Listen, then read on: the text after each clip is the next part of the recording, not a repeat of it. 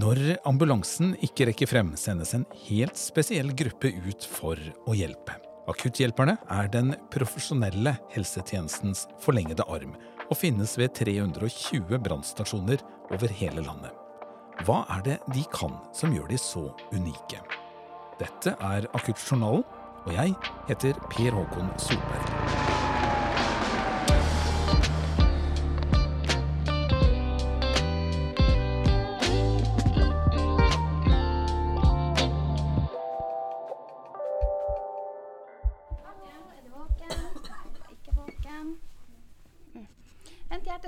Det du hører her, er trening av akutthjelperne. Dårlig vær, stengte veier, kapasitetsutfordringer og lange avstander i distriktene.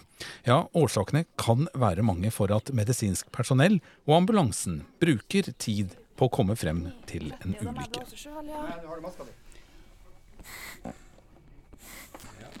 Og det er da akutthjelperne blir bedt om å trå til.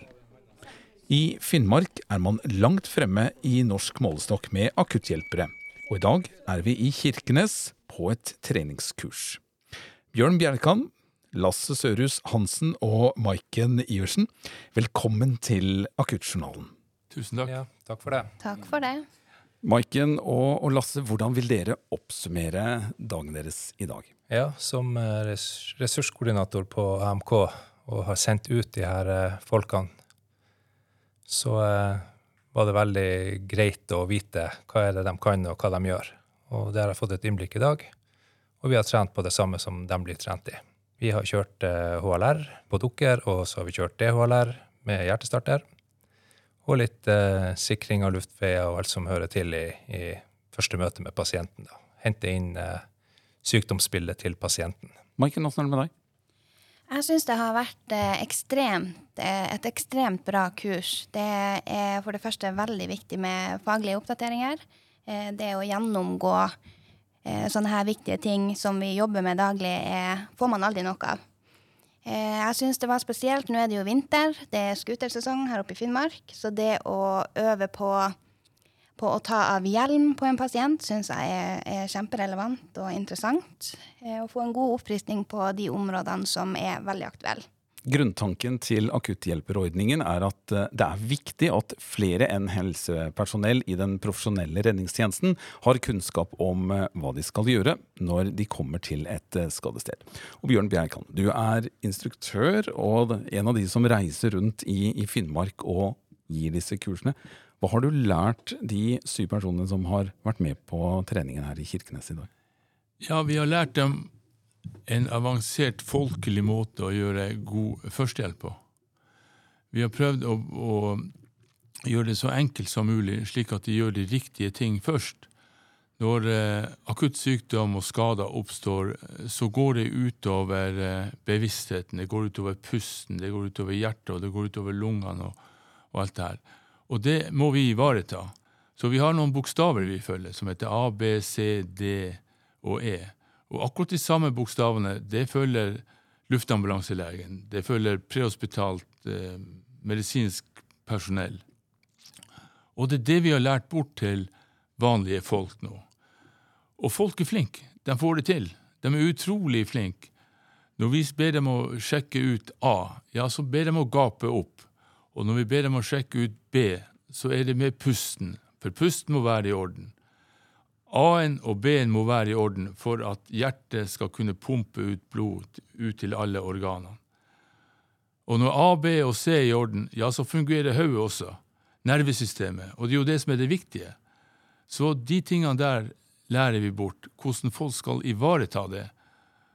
Temperatur kommer inn i dette her, og det er superviktig at, at eh, folk gjør det. Man berger liv. Man utgjør en forskjell. Man reduserer sykdom, og man får folk eh, tidligere ut til familiene sine, ut i arbeid. Og eh, man skaper trygghet, rett og slett. Akutthjelperne er ikke et eh, alternativ til eh, ambulanse og, og til luftambulansen, men et eh, viktig supplement. Men utdanningen er på mange måter avansert for akutthjelperne. Drilles også særlig på å kjenne igjen symptomer på de dødeligste tilstandene. Ja, man gjennomgår en teoridel. Og i den teoridelen så tar vi for oss ja, de viktigste ting som er med på å avslutte livet vårt, det er bl.a. Eh, hjerteproblemer, det er slagproblematikk, de tingene der. Eh, skadeproblematikk som kan oppstå.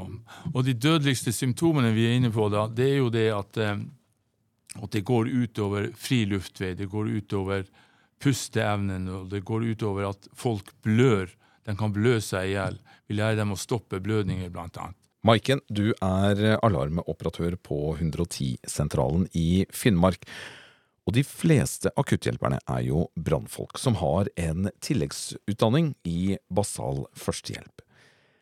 Hvilke utfordringer er det som møter brannvesenet når dere blir spurt om å rykke ut og bistå AMK på et eh, helseoppdrag? Eh, først og fremst så er det jo ikke mange pasienter, eller dem som er i nøden hjemme, da, som forventer at et brannvesen skal rykke ut. Um, så, så, det kan jo være en utfordring. Uh, en annen ting er jo at brannvesenet Det kan gå veldig lang tid mellom hver gang de er ute. Uh, ja, man har trening, man, man, øver, man har teoretiske deler for å holde seg oppdatert. Men en annen ting er å, er å utføre ting i praksis. Uh, så det er absolutt en utfordring. Um, vi har jo, når brannvesenet rykker ut, da, som, som også er akutthjelpere, så har de jo bl.a. brannbekledning på seg. Det, det, er store og tunge klær som slettes ikke er, er noe særlig å, å, holde på med i møte med pasienter på nært hold. Så bekledning er absolutt en, en utfordring for dem. Eh, jeg som alarmoperatør er jo veldig avhengig av et godt samarbeid med AMK eh, i forhold til å innhente nødvendig informasjon om den pasienten eh, brannvesenet skal rykke ut til. Eh, og da er det er det greit å, å, få informasjon, at jeg får navnet, eh, kanskje gjerne alder, og kort og greit om hva situasjonen eh, handler om. Det er for at brannvesenet skal mentalt klargjøre seg på vei til stedet om hva de kan forvente å møte. Mm. Men, det kan, men det, det kan, jo, Lasse, uh, bety at personvernloven kan bli utfordra litt sånn i en, i en nødsammenheng? Ja, men de her eh, akutthjelperne skriver jo under på taushetserklæring. Og vi spør jo også eh, pasienten eh, som trenger hjelp, om, eh, om, han er interessert i å få akutthjelpere først i stedet. Så er det en avgjørelse de tar da imot eh, oss. Hvis de ønsker det, så varsler vi brann, som videre varsler deres personell. da. Så eh, pasienten avgjør jo da. Vi kan ikke tvinge på dem noe ekstra personell. Så mm. Det løser seg. Det løser seg, ja. Nemlig. Stort sett i alle situasjoner så løser det seg. Ja. Mm. Men Maiken, hvor, hvor, viktig vil du selv si at rollen dine kolleger eh, skal fylle? Hvor, hvor, viktig er den? Den er jo livsviktig, først og fremst. Eh, Akutthjelperne og brannvesenet er jo mange ganger først i stedet. her oppe i Finnmark er det ekstremt lange avstander. Det er veldig uforutsigbare værforhold. Så det at eh, akutthjelperne og brannvesen er er godt drilla og er godt oppdatert på, på en grundig førstehjelp i samarbeid med luftambulansen og helse, er, er, kjempebra. Det er en utrolig fin gode vi har her oppe i nord. Og uten, uten akutthjelperne våre så kan man jo tenke seg til hvordan, hvordan ting ville ha vært når krisa først kommer. Nå har vi en kar som er drukna her, en unge som er drukna. Nå skal jeg vise hvordan vi gjør nå. Når vi da får den ungen på land nå, så er han kald. Han er bleik, han er blå kanskje rundt, han er isekald. Og han har inhalert vann fordi han har vært under, under, under, vann. Og han har vann i lungene nå. Så det vi da gjør, det er å få han på plass. Så starter vi med en gang med å blåse. Da kniper vi her nesen, og så holder vi under haka, men på den dukka her med å ta under, under nakken for at vi bedre får det til. Og så blåser vi. Og så kommer det vann ut av munnen. Så drenerer vi det vannet ut. Så blåser vi litt til. Det kommer mer vann ut. Blåser litt til. En gang til. Legger vi hodet på sida, og så begynner vi. Og da ser vi at det kan skumple vann ut av munnen på han. Og det er fint, det, for da kommer det opp. Og det er den beste måten å få ut vannet på. Og når vi holder på på den måten her Ungen har jo et friskt hjerte, friske organer. Og bare bevegelsen av hjertet kan gjøre at hjertet kan ta seg opp spontant og komme i gang igjen. Akutthjelpere redder liv hver eneste dag. I 2022 rykket brannvesenet ut på 7118 helseoppdrag. Og det er 333 flere oppdrag enn i 2021. Ganske imponerende tall, eh, mine venner. Og de utførte i tillegg eh, helseoppgaver på 1164 andre hendelser. Og det ble brukt hjertestarter på 441 hendelser. I Kirkenes så er treningen også et pilotprosjekt, for for første gang så er folk fra AMK eh, også med på, på, denne samlingen. Og alle tre nødetatene er samlokalisert her på politihuset i Kirkenes, hvor vi sitter. Og Lasse Sørhus Hansen, ressurskoordinator på akuttmedisinsk kommunikasjonssentral i Finnmark. Det er dere som bestemmer hvilke medisinske ressurser som skal rykke ut. Hvor faglig viktig vil du si eh, at det er at dere har akutthjelperressursen å trekke på, når du vet det vil ta tid før en ambulanse eller kanskje et redningshelikopter er på stedet? Jeg vil jo påstå at det er forskjell på liv og død. Sekundene teller i aller høyeste grad når det gjelder akuttsykdom. Og det at de kan gå inn og gjøre livreddende arbeid før ambulansen kommer, er jo det som er forskjellen, da. Sørge for å ivareta pasienten på best mulig måte. Og gir oss tilbakemelding. Eh, og den er jo spesielt viktig, sånn at vi kan koordinere resten av eh, reisen til pasienten. Da. Hvor den skal, vi, trenger vi mer ressurser der ute. Ja, alt sånn som Så det er veldig bra at vi har dem tidlig ute. Det som også er viktig, det er at akutthjelperne bringer med seg trygghet til den personen som er syk, til den familien som opplever sykdom og skade. Ehm, de er lært opp hvordan de skal gå inn i et hus, de skal hilse pent på folk, og de skal prate på en vennlig, hyggelig måte til folk. Og de skal være serviceinnstilt. De skal være på tilbudssida, og de skal være med på oss. De skal rett og slett si til pasienten ja, vi skal hjelpe deg. Vi skal være hos deg helt til ambulansen kommer. Vi skal ikke gå ifra deg. De skal sette han godt til rette i stolen. De skal sørge for at han puster godt, at han er varm og trygg, og de skal ta vare på pårørende, ikke minst, og sørge for at de også har det bra. På den måten så, så fyller de også den psykiske biten på en, på en, verdifull måte. Ikke bare A, B, C, D og E, men også den, den her psykiske biten med, med, at folk er redd, folk er engstelige. Så kommer det folk inn gjennom døra som er hyggelige, som smiler, og som tilbyr hjelp. Det skaper trygghet. Mm. Men utfordringen de kan kun grunnleggende livsviktig førstehjelp. De er ikke profesjonelle helsearbeidere som eh, paramedic som, som er med på, på, ambulanse. Nei, men Folk er ikke dumme. Folk får det her til. det her. Når vi viser dem hvordan man skal gjøre, hva de skal si, ja, så tar de etter, og så gjør de det. Og igjen, folk får det til. Og det har overraska meg mange ganger hvor, hvor flinke folk er og at de fyller den der eh, førstehjelperrollen så, så godt som de gjør. Lasse, hvis du kan fortelle oss litt om hvordan fungerer denne måten å varsle på? Hvordan bruker dere eh, akutthjelperne når dere får inn en, eh, en alarmtelefon? Ja, da eh, vurderer vi jo i henhold til indeksen medisinsk indeks. Eh, vi går inn i kartet og ser hvor pasienten er. Eh, betraktning av hvor vi har nærmest ambulanse.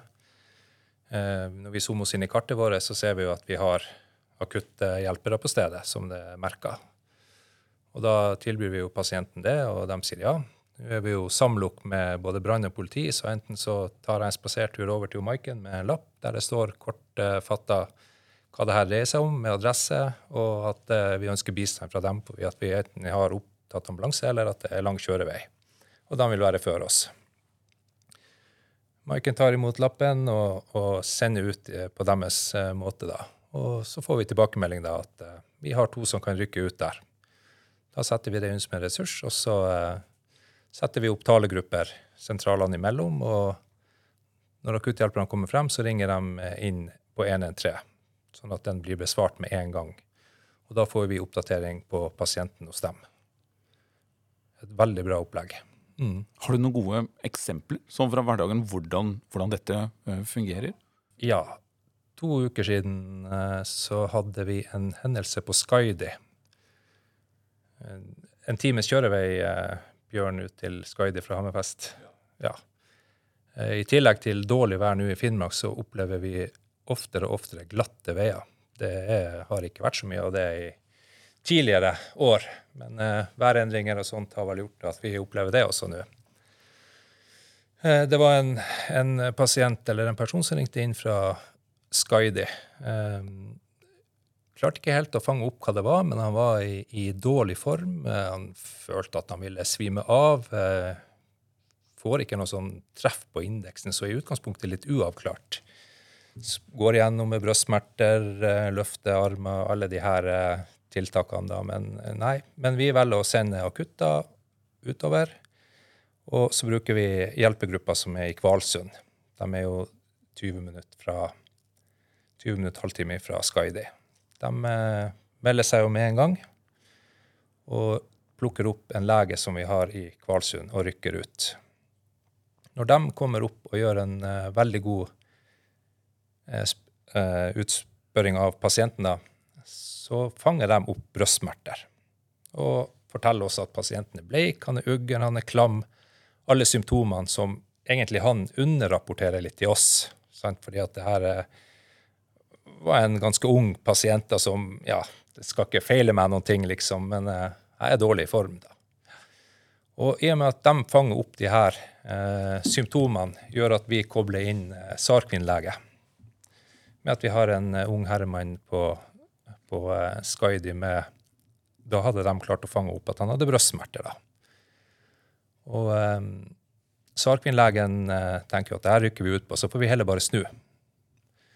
En 20 minutt, halv time etterpå har vi ambulansen på stedet som eh, gjør EKG, og de får eh, et eh, nedreveksinfarkt.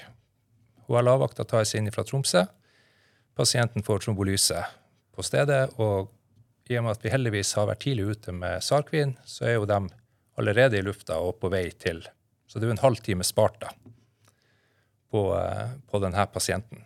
Og får trombolyse av ambulanse og lege på stedet, transporteres rett til Tromsø med Sarkvin.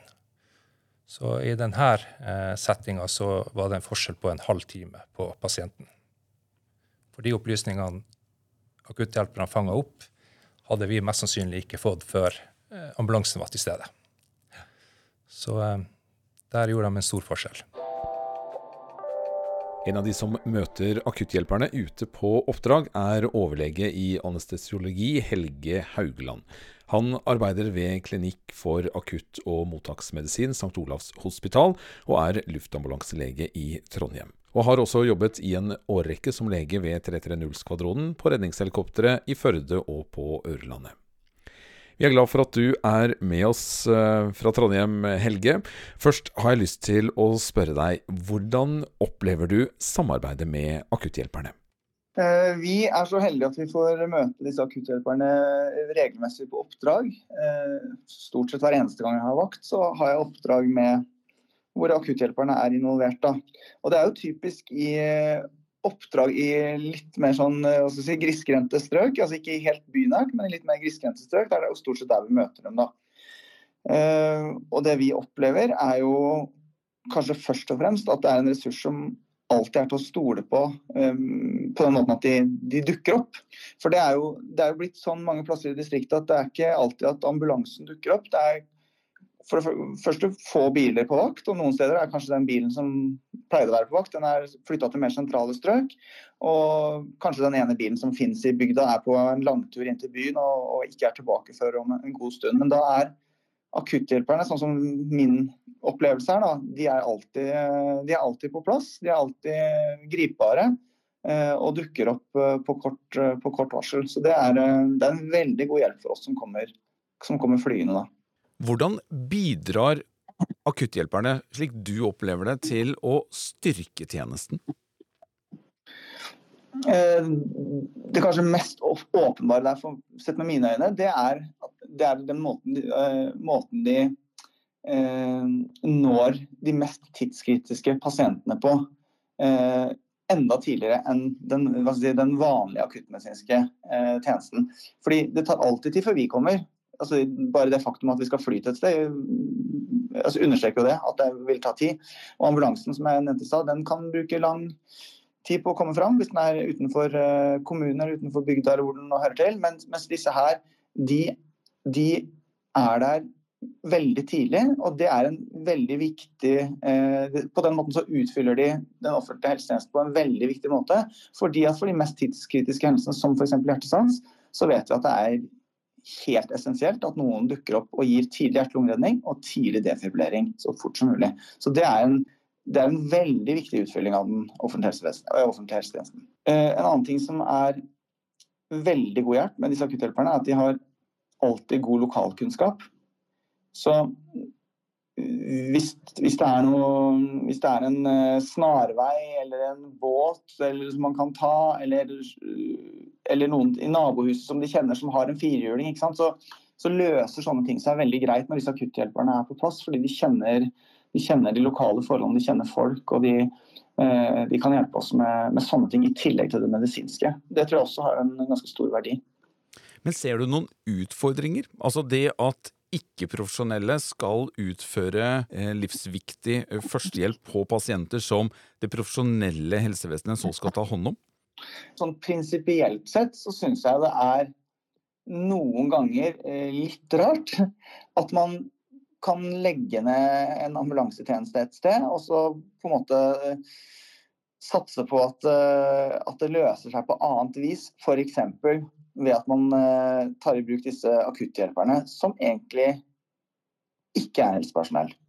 Det synes jeg jo, sånn Prinsipielt sett så tenker jeg at dette her er eh, oppgaver som helsetjenesten skulle tatt seg av. Og så er jo ikke jeg politiker, og det er jeg veldig glad for. Men når det først er sånn da, at eh, ambulansetjenesten har lang utrykningstid, eller kanskje til og med blir borte fra et område, så er det veldig, veldig nyttig for pasienten at disse akutthjelperne finnes. Så Jeg er ikke så veldig opptatt av politikken, men jeg er opptatt av pasienten. Og for pasienten så er det veldig bra at, eh, at disse akutthjelperne dukker opp når helseressursene bruker lang tid på å komme fram. Eh, og De oppgavene som akutthjelperne gjør, eh, det er veldig viktige oppgaver, men det er også oppgaver som det går an å lære lære bort til folk som ikke er helsepersonell. Så sånn, for, for, den biten så er jeg ikke så bekymra. Altså de løser de oppgavene de er satt til på en veldig god måte, sånn som jeg ser det i hvert fall. Eh, så jeg, jeg syns de leverer et veldig bra produkt. Hvis du skal se litt inn i krystallkula, hvordan skal vi klare å få dette samarbeidet til å bli enda bedre? Hvordan kan vi styrke det norske helsevesenet og den prehospitale tjenesten ved å kunne samarbeide enda bedre og tettere? med akutthjelperne? Hvordan, hvordan skal det framtiden se ut? Ja, Det var et godt spørsmål. Um, jeg, tror i hvert fall, i hvert fall at man ikke skal bli for ambisiøs i forhold til hva akutthjelperne skal gjøre. For sånn som det fungerer i dag, så syns jeg de har en veldig uh, de, de ser, jeg tror de er ganske nøkterne i måten de ser på sin egen rolle. Det er ikke sånn at de prøver å, øh, å, å Når de gir rapport til oss, så prøver de ikke å øh, rapportere om ting de ikke har peiling på, eller, eller, eller fremstå som noe bedre enn det de er, eller som noe mer øh, kunnskapsrike på helsebiten enn det de er. Så jeg tror nøkkelen til suksess er å holde oppgavene på et eh, medisinsk sett ganske basalt nivå. Eh, sånn at man ikke gaper over for mye. Fordi det er, ikke, det er verken meninga eller eh, Jeg tror ikke det blir spesielt bra heller. Jeg tror disse akutthjelperne skal få konsentrere seg om å gjøre de, eh, de basale tingene. Fordi det er, det er, det som redder liv, for det første.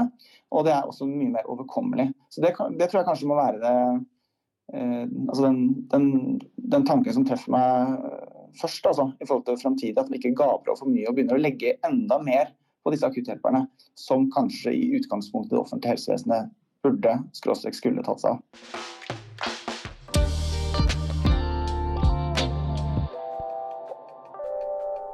I tillegg til opplæring én gang i året får akutthjelperne en sekk med alt nødvendig utstyr som er med på alle helseoppdrag. På den måten har de for hånden det de trenger for å kunne utføre grunnleggende livreddende førstehjelp. Instruktør Geir Ingebrigtsen skal sette oss litt grundigere inn i oppbyggingen av sekken. Noen har stoppeklokker, noen har kjøpt inn eh, ordentlige hodelykter sånn litt dyre hodelykter som de har, og, og komplettert sekken litt med det. Men i utgangspunktet så ser den sånn ut, standard sekk, og den er bygd opp på samme måte overalt. Sånn den, er, den er liksom fastsatt hva som skal være i de forskjellige lommene og alt. Eh, når vi åpner den, da, så har vi her en sånn lomme der vi har hodelykter og pulsoksymeter. Helt enkelt og greit. Lese av oksygenmetning i blodet og puls. I denne lomma så har vi en sånn folie som vi skal pakke rundt pasienten for å holde varm. Eh, helt enkelt. Og det blir veldig stort og helt umulig å få inn i her igjen når vi først har tatt det ut. så den er godt vakuumpakka. Vi ser hvordan den ser ut når den er, når den er, er slått ut. Da. Eh, den der skal vi selvfølgelig praktisk lære å bruke, og hvordan vi pakker inn pasienter, og, og hvordan de eh, mest effektivt passer, altså pakkes inn. I tillegg til den da, er sånn eh, til å holde varmen i hodet. Og vi har forskjellig oksygenutstyr som ligger nedi her. Når det gjelder oksygenflasker, så er jo det en litt sånn forskjellige løsninger på, på hvordan man eh, organiserer det i kommunene. Dette er jo en kostnad. Eh, men vi har i hvert fall sagt at vi bytter med dem. Når vi har bil ute som møter dem, eller at, eh, at vi har personell som kommer dit, og de har brukt ei sånn her flaske kanskje 20 minutter, så gir vi dem en ny, og så tar vi den her med, som er brukt, liksom. Hvor stor er denne flaska? Mange liter? Står det noen plass? Nedi her da, så har vi da totalt 3 liter ganger 200 bar, som da er 600 liter luft. Og Hvis vi da skal gi en pasient 10 liter på maske, eller 10 liter på et spesielt tilfelle når vi holder på med gjenoppliving, så vil det si at vi gir 10 liter per minutt. Og da er denne flaska nok til én time fordi at vi har 600 liter. Ganske enkelt regnestykke, men, men det kan være greit. F.eks. Eh, kjøretida til Buggenes er jo én time.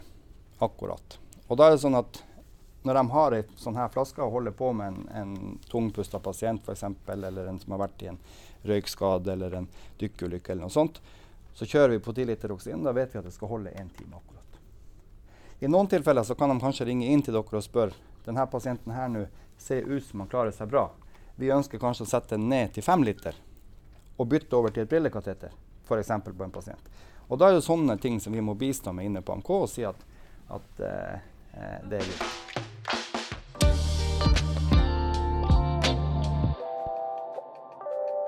Vi snakker om akutthjelperne, og et viktig stikkord er trygghet. Bjørn, vi har så vidt touchet inne på det, men for et lite lokalsamfunn, f.eks. her oppe i nord, så er det essensielt å vite at det finnes faktisk noen i nærheten som kan hjelpe når du vet at det er store avstander til det meste.